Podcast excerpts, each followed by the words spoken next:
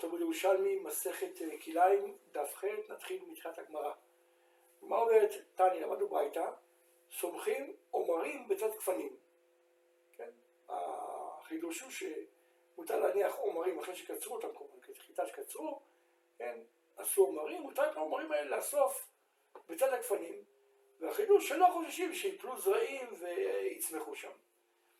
אמר רבי יוסף, מזה שהתרנו עומרים, רק עומרים, אדם אמרה שאסור ליטה בצד כמה יבשה. הרי העומרים זה חיטה יבשה קצורה, כן? מה שמשאים זה היה חיטה יבשה אבל לא קצורה, אסור, לטוע גפנים ליד, כן? כי לא התירו אלא עומרים אחרי שקצרו אותם. שיותר כבר אמרתי הפוך, מהו לזרע בצד גפנים יבשות? יש לי גפנים שמתו. האם מותר לזרוע לידם או לא? ואת הגמרא נשמע הנה מן הדעת אתנן, גפן שיבשה אסורה ואינה מקדשת. ואמר רבי אלעזר דרבי מאירי, כן, זה רק שנת רבי מאיר. ורבי מאיר אמר, אפילו גפן הצמר אסור. כן, שהעלים שלו דומים לגפן, אז פה מראית עין, אבל לא מקדש. עכשיו, אם רבי אלעזר אומר שזה רק רבי מאיר, אדם אמרה שמותר לזרום קצת גפנים ושעות, כי ההלכה לא כמו רבי מאיר, אלא כחמים. למדנו במשנה, אם רוצה, לגמו, אם רוצה גומם הטפח, זאת אומרת בעצם האדם שלו יש לו כרם, אז אה, אה, צריך לעקור, לפני שהוא זורק, רוצה לזרוק שם חיטה, צריך לעקור את הגפנים לפני כן, אבל אם רוצה גומם הטפח, ואז יכול לזרוע, ולאחר מכן בזמן שלו הוא יגמום. ואם יצמח, אז מותר עוד לשעבר, כמו בדיעבד, מה שכבר גדל מותר. אבל להבא, לעתיד לבוא אסור, אחרי שכבר התחיל לצמוח, זה אסור כמובן. ואתה מה, כעדה, כמו שראינו מקרה כזה, שמעון בן יהודה, רבי שמעון בן יהודה, גם כתב את הכרם שלו, השאיר את פחות מטפח, ואמר לארי שלו, פוק זרע, לך תזרע. איך שהוא זרע, התחיל לגדול החיטה, פתאום צמחו הענבים, הגפנים. אמר לפוק חצוד, לך תקצור את החיטה. מין דחצוד, אחרי שהוא קצר את החיטה, ארטיבן, כלומר התברר שכל הגפנים האלה נרקבו. התחילו לגדול ונרקבו. אמר לפוק זרע, לך תזרע מחדש. רואים מכאן שזה לא נאסר אלא מכאן ולהבא. רבי זרע ביי, האם כל מה שאמרנו שמותר לזרוע עם קצוץ הגפנים עד אה, פחות מטפח זה עד כבי ועל סמך זה שאם זה יגדל הוא יקסור וכולי אז עד כדו על כל מה שהתרנו כן זה דווקא לאדם ישר כמו רבי שמעון בן יהודה שכשהוא אומר שהוא לא רוצה בגפנים זה דת גמורה הוא אומר הוא לא מערים אבל שאר בני אדם שהם לא אומרים לדעת גמורה, יהיה אסור שהם יערים בו ויגידו שהם לא רוצים, אבל בעצם כן רוצים, והתבואה בעצם נאסרת? חזר ואמר לא, לא, מותר לכולם. למה? כי גפן שנקצצה פחות מטפח אינה אוסרת אלא מדרבנן. אז כל האיסור רק מראית עין, כן? אז לכן במקרה כזה, אפילו אם יערים אין לכך כלום. בעצם חכמים התירו לכולם, מקסימום בדם יערים, כן? חכמים התירו. כן? תנא נתן. למדנו שיש כמה תנאים של יהושע התנה כשנכנסו לארץ. תנאי יהושע שיהיו מלקטים עשבים מכל מקום, חוץ משדה טלטן. כן? למה? כי בשדה טלטן הבעלים רוצים בעשבים. אמר רבי יעקב בר אחא בשם רבי יצחק בר נחמן, כשזרעה להמיר, כלומר הוא זרע את זה לצורך הבהמה שלו, את הטלטן הזה, אז לכן גם את העשבים הוא רוצה, כן? הרי כל הבהמה. כי הטלטל נשמח, גם טלטל נשמח על העשב, הוא זה יותר טוב, וגם את העשב הוא מאכיל לבהמה. ואתה אומר הגמרא, קשה. אתה אומר שהבעלים רוצים, כן? בעלים רוצים בעשבים האלה. כן? והתנינא, וכן טלטן של מן העשבים, אין מחייבותו לנקש. למה? משמע מכאן שהעשבים מזיקים הטלטן, הבעלים לא רוצים בזה. כן? ככה אמרנו במשנה. לא מחייבים לנקש, זה לא כלאיים. כיוון שאני אומר, ודאי הוא לא יזרע את זה, כי זה מזיק לו, הוא לא רוצה בזה. אז יכולה סתירה. פה אתה אומר, במשנה שלנו אתה אומר שהעשבים מזיקים לו, ובברייתא אתה אומר שהעשבים טובים לו. אמר רבי יעקב בר אחא בשם גרמה, כן, בשם עצמו, כשאלם לזרע, המשנה שלנו מדברת שהוא זרע אותם, כן, כשהוא זרע את הטלטן הזה לזרע. במקרה כזה, העשבים מזיקים. ולכן בעצם אה, לא מחייבים אותו, לא מחייבים אותו לקצור את העשבים האלה, כיוון שבטוח שהוא לא רוצה בזה. אבל מה, שרבי, מה שיהושע התנה, ואמרנו שהעשבים טובים לטלטן, והבעלים רוצים אותם, שם מדובר שהוא זרע את זה לצורך הבהמה. אמר רבי יוסף, ולכאורה קשה, וכי לא בא יהושע לפרש אלא לעוברי עבירה? של הקראה של יהושע הייתה לעוברי עבירה?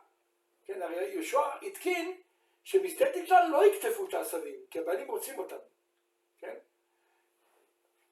הרי מה קורה כאן? שהרי אם עבר עבירה וזרע טלטל למאכל בהמה וצמחו עשבים והוא רוצה בהם, שזה אסור, יהושע תיקן שזה אסור משום גזל, כן? כלומר, פה יש איסור דורייתא, הוא הרי זרע כלאיים. הוא זרע כלאיים, זרע עשבים בתוך הטלטל שלו, והוא רוצה בהם, אז זה כלאיים. ואתה אומר שיהושע תיקן שיהיה אסור לקטוף את העשבים, שום גזל. כלומר, הוא תיקן לאדם שעובר עבירה. ואילו מקרה שלא עבר עבירה, כגון אצלנו זרע טלטל לזרעים וצמחו עשבים, כן? לא עבור עבירה, הוא לא רוצה בעשבים, אז זה מותר משום גזל, אין בזה גזל. לכאורה הוא תיקן רק למי שעובר עבירה. אומרת הגמרא ולא שניה, איש עזרה לזרע, איש עזרה לאמיר. כלומר, יהושע תיקן בכל מקרה, כן, שאסור לקטוף את העשבים. בזה תקטן. עכשיו אם כן, ממה אפשר יהיה קשה? כן, ממה אפשר יהיה קשה? כי אם ניחא ללבן השדה שיעקרו את העשבים, כי הם רעים לטלטן שלו, כן, בדוגמה שהוא זרע לזרע, הרי זרע לו, אז הוא רוצה שיכתבו את העשבים, אז למה אסור עם שום גזל? למה יהושע תיקן שיעשו עם שום גזל? ואם לא נוח לו שיקטו אותם, כדוגמה, זרע את זה לבהמות, לא נחלה, לפי שהם מועילים לטלטל, כן? אז קשה. יהושע תיקן בעוברי עבירה? כן, הרי למה יהושע תיקן שזה יהיה גזל? הרי הבעלים רוצה בזה, זה טוב לו, אז זה כלאיים. אז הוא עובר עבירה שהוא זורע את זה ככה. אז יהושע תיקן לעוברי עבירה? ועוד, אם באמת זה ניחא בעשבים, אם הוא רוצה את העשבים האלה, כי הם מועילים לטלטן, אז למה לא חייבו אותו לנקה? זה כלאיים. למה לא ראינו בשום מקום שחייבו אותו לנקש? הרי המשנה אמרה, טלטן שהעלתה מן העשבים, לא מחייב אותו לנקש. ואם באמת דעתו עליהם כי הוא רוצה אותם, אז למה לא חייבו אותו? אמר רבי יחד בשם רבי ישע, מה שנאמר שרוצה בהם, זה לא שהוא באמת רוצה אותם שישארו מחוברים לאדמה, כי באמת הם מזיקים לטלטן. אלא הכוונה שהוא רוצה בהם שיהיו עקורים מונחים לפניו, לתת לבהמה שלו. אז לכן, לא מחייב אותו לנקש, כי הוא לא רוצה בהם, כן? וזה לא, ולכן זה לא אסור משום כליים, אבל זה אסור משום גזל, כי הוא רוצה אותם לבהמה שלו, כן? בתור תלושים. אומרת הגמרא אם זה ככה, אז קשה. הרי בכל כליים יהיה ככה. ועתני הרי למדנו מוצא כליים בכרם, מותרים משום גזל. כלומר, מותר לאדם ללכת לקחת את הכליים, כי אני אומר, נוח לבעלים שלא יאסר כרמו. אבל אם אתה אומר שבטלטן, כיוון שהוא רוצה את העשבים תלושים, כשחטאתם לבהמה שלו, אז לכן אסור משום גזל, אז גם כל כליים, מעתה כל כליים שיהיה בכרם, זה יהיה גזל, כי הבעלים רוצים אותו תלושים, לתת לבהמה שלו, כן? אומרת הגמרא, רבי יוסף לא אמר ככה, אלא ככה הוא הסביר את זה. הוא אומר לכתחילה כשמחוברים הוא לא רוצה בהם, אפילו עקורים, כמו שהם מחוברים, הוא לא רוצה בכלל, אפילו עקורים. למה? כי הם פוגעים לו בטלטן. אבל לא שווה לו להשקיע בתלישה שלהם, כן? עולה כסף לתלוש את זה. אז לא שווה להשקיע, הוא לא רוצה אותם בכלל. אבל אחרי שכבר נתלשו, הוא כן רוצה בהם, כן? כלומר, אם בן אדם אחר השקיע, תלש לו את זה, עכשיו הוא רוצה את זה, כי זה עקור, כבר יתנו שהוא רוצה את זה לתת לבהמה שלו. אומרת הגמרא, אז אם זה ככה עוד פעם, אז גם בשאר כלאיים נגיד ככה, הם גם יהיו אסורים שם גזל, שהרי בסוף הוא רוצה בהם, כי לא קוראים לרים לפניו. אומרת הגמרא, לא, יש הבדל. בעשבים בזה טלטן, יש לו מי נכנס. כן, הרי כשהוא קוצר את הטלטן, להכניס לבית שלו, אז דרך אגב הוא גם מכניס את העשבים האלה. אבל כשיש לו תבואה אחרת, והעשבים, אז אין לו מי להכניס לבהמה שלו, רק העשבים ייכנס לבהמה, כן? רק הכלאיים ייכנס לבהמה. שאר התאורה, כן? הוא מכניס לבית שלו, זה בעצם הכנסה אחרת. יותר מאוחר, הוא מחכה שזה יתבשל והכל. אז בעצם הוא צריך להשקיע כסף כדי להכניס במיוחד את העשבים, את זה הוא לא רוצה, או במיוחד את הכלאיים, את זה הוא לא רוצה, כן? בטלטן, שהוא דרך אגב מכניס את הטלטן ביחד עם העשבים, לא עולה לו כסף ההכנסה, אז הוא רוצה את זה. רב נחמן אמר, רבי מן אביי, הגה עצמך שהיה שם שדה אחרת של טלטן סמוכה לכרם. האם גם כאן יהיו אסורים שום גזל? הרי יש לו מי להכניס. כלומר, מה אתה אמרת? אתה אמרת ש... שב... שיש, שיש בכרם כלאיים, אז אם הוא יתלוש אותם, אין לו עם מי להכניס את זה, כן? אז לכן לא שווה לו, הוא לא רוצה את זה בכלל, לכן אין בזה גזל. ואילו בעשבים בטלטן, אתה אומר שהוא כן רוצה כי הוא יכניס את זה ביחד עם הטלטן שהוא קוצר לבהמה, הוא יכניס גם את העשבים שאותו אדם תלש לו, כן?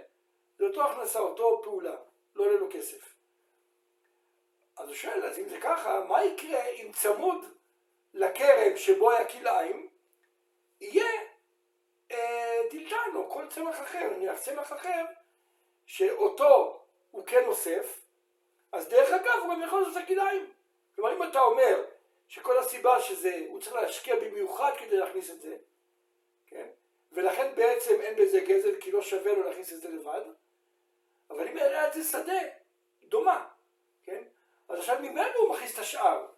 אז הוא יכול באותה מידה להכניס גם כן את מה שהאנשים כתבו, אז גם בזה יהיה גזל או לא. אומרת הגמרא, מלאון דרבנין פליגן, כן? כלומר, החכמים, הדברים של חכמים, אנחנו רואים שהם חולקים. אמרנו הרי שבטיטן אין כליים, גם אם הוא רוצה בעשרים, כן? אז מהדברים של חכמים רואים שהם חולקים. אמר רבי זרקה בשם בדלת רבי ינאי, כל הספיחים אסורים, כן? כל הספיחים אסורים, חוץ מן העולים בשדה בור, בשדה ניר, בשדה כרם ובשדה זרע. כן? הגמרא מסבירה, הברייתא מסבירה. שדה בור למה? זה לא משגח עליהם. כן, הרי לא אכפת לו משדה בור, אז אני לא חושב שהוא יזרע שם, הרי כל החשש של ספיחים שבו יזרע ויגיד זה צמח לבד. אבל שדה בור, הוא לא משגיח שם, אז הוא לא יזרע שם. כן? בשדה ניר, הרי שדה חרוש, למה הוא צריך את זה? הוא רוצה לזרוע בשנה השמינית. אם צומח שם, אז זה הורס לו, יצטרך בכל מקרה לחרוש עוד פעם, הוא מבזבז את החרישה. זה פוגם לו באדמה. אז לכן, מה שצמח שם זה מותר. וגם בשדה כרם, אין חשש שהוא יזרע. כי הרי הוא לא רוצה לשנות את הכרם שלו, בכלאיים. ובשדה זרע, כלומר אם זה שדה שכבר יש אחד, אז אם יצמח מן אחר, כן, זה גם לא יהיה אסור של ספיחים, כי הוא לא רוצה בהם, כי הם פוגמים בתשובה שלו, במין, במין הראשי. עכשיו, אם אתה אומר כרבי יוסי, שבשדה טילטן, אפילו אם נזרע לזרע, כן, הוא רוצה בהן שיהיו עקורים מונחים לפניו לבהמתו? אז הבית אתה צריכה להוסיף שנכון, בשדה זרע זה מותר, הספיחים מותרים, כיוון שהוא לא רוצה בהם, חוץ משדה טילטן, שזה טילטן למרות שזה שדה זרע, כן? אם יהיה שם עשבים, אז יהיה אסור, כיוון שהוא רוצה בעשבים, כן? אז כיוון שהוא רוצה בהם, אז הספיחים שלהם יהיו אסורים גם כן. אני צריך להוסיף את זה, המשנה לא אמרה את זה. אז רואים מכאן שבעצם אה, הדין הזה לא נכון, כן? חכמים סוברים שגם בעשבים הוא לא רוצה אותם בכלל. אמר רבי יוסף, מלתת רבי יוחנן מסייע לי, כן, שכן יש בהם משום גזל, בעשבים האלה. מה הראיה? מעשה באחד שלקח ירקה של גינה מן גוי, כן? הוא קנה מגוי חלק מהירקות. היה הגינה של הגוי הייתה מלאה כלאיים, כן? אז הוא קנה חלק מהירקות מהגוי, אבל השאר נשאר שם עדיין כלאיים. עטה ושאל לרבי יוחנן, אמר לה, צא ולקוט הכל מיד, כל מה שלך תלקט. כי אחרי זה בא לישראל, אסור לקיים כלאיים, אחרי זה בא לידי ישראל. עכשיו, ולפי השוק תמכור, ותמכור לפי כמה שאתה יכול. והייתי רבי אבאו קמא רבי יוחנן. רבי אבאו שאל רבי יוחנן, נינן, וכן מקום הגרנות שעלו בהם מינים הרבה, הרי למדנו אם מקום הגורן שכל פעם הוא אוסף שם פעם חיטה, פעם שעורה, כן, כל פעם הוא אוסף שם משהו, דש, זורע, עושה את הערימה, ואז מתפזרים כמה זרעים, וצומח הכל ביחד.